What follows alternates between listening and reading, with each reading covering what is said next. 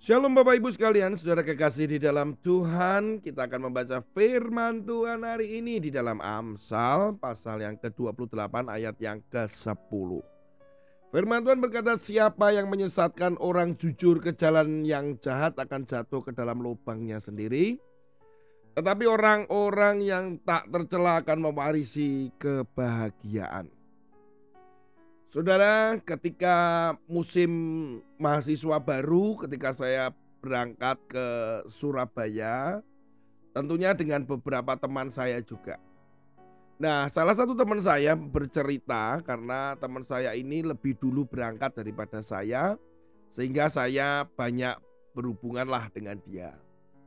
Ya, tanya-tanya tentang Surabaya dan Kebetulan kami akhirnya menjadi uh, teman satu kos lah. Dia pernah bercerita bahwa pertama kali dia datang ke Surabaya itu menjadi tantangan dan ada sebuah kisah yang lucu sekaligus memprihatinkan. Yaitu ketika teman saya ini diajak naik mobil bersama dengan teman-temannya. Kemudian dia uh, diajak berjalan di daerah Diponegoro, Surabaya. Saudara, pada zaman dulu di daerah Diponegoro, Jalan Surabaya di Surabaya itu ada begitu banyak uh, apa namanya para perempuan tunasusila ya atau kita sebut adalah uh, ya tunasusila lah begitu ya. Nah uh, bisa tawar menawar melalui mobil dan di mobil lah gitu. Singkat cerita ternyata teman-temannya ini membuking satu perempuan Kemudian naiklah di dalam satu mobil ini dan teman saya terjebak di situ. Dia kaget ternyata hari Sabtu itu dia diajak di situ di uh, dalam mobil dan dia tidak bisa apa-apa sepertinya. Dia duduk di depan dia cerita. Nah ini mobilnya seperti mobil Jimny begitu. Saudara, kemudian mobil ini meluncur ke Kenjeran. Kenjeran ini pantai Kenjeran ya di Surabaya ada pantai Kenjeran Kemudian di situ uh, teman saya dipaksa untuk masuk mobil, kemudian dikunci ya. Kemudian di ada satu perempuan yang tadi di booking oleh mereka. Kemudian si perempuan ini diperintahkan atau diminta untuk menelanjangi teman saya dan ya tanda petik lah uh, ya diperlakukan lah untuk berhubungan intim.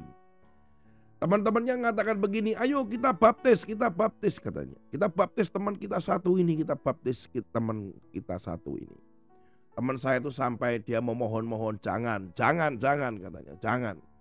Dan teman saya berkata, saya datang ke Surabaya ini untuk kuliah dan saya untuk belajar, tidak mau uh, berhubungan dengan hal-hal seperti ini yang jahat. Tapi teman-teman yang lain memaksa, ayo kita baptis dia, kita baptis dia.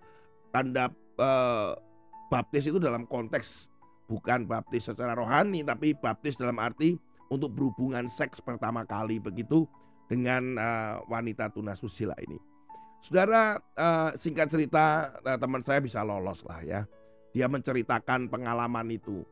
Saudara kekasih di dalam Tuhan ketika dia menceritakan pengalaman itu saya jengkel sekali sebenarnya. Itu teman-teman model apa sebenarnya.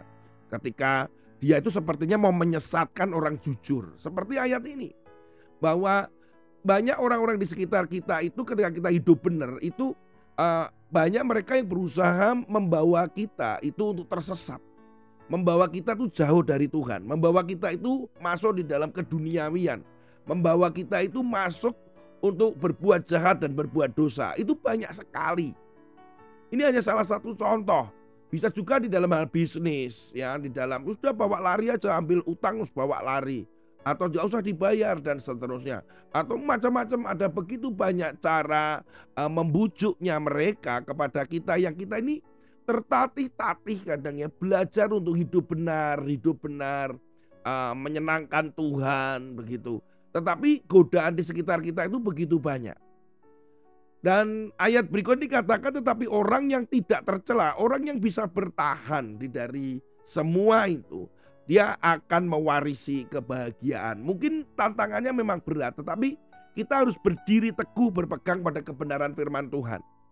Semakin kita dewasa, saudara, semakin kita matang, semakin kita maju di dalam kerohanian dan kepribadian kita juga secara uh, dewasa, maka sebenarnya ada peringatan yang ada di dalam Kolose, ada di dalam Efesus.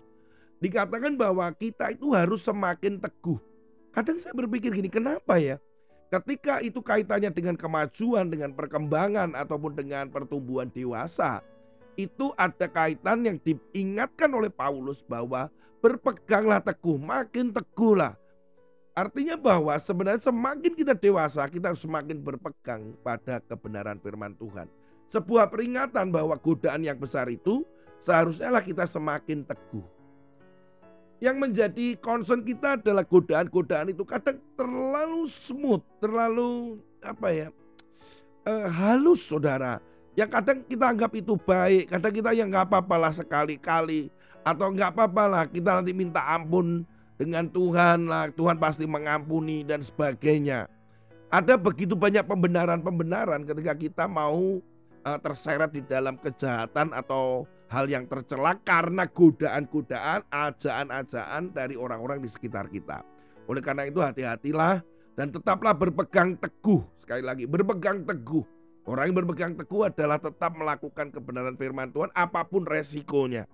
Berpeganglah teguh kepada kebenaran firman Tuhan dan hidupmu akan beruntung. Mazmur dikatakan demikian.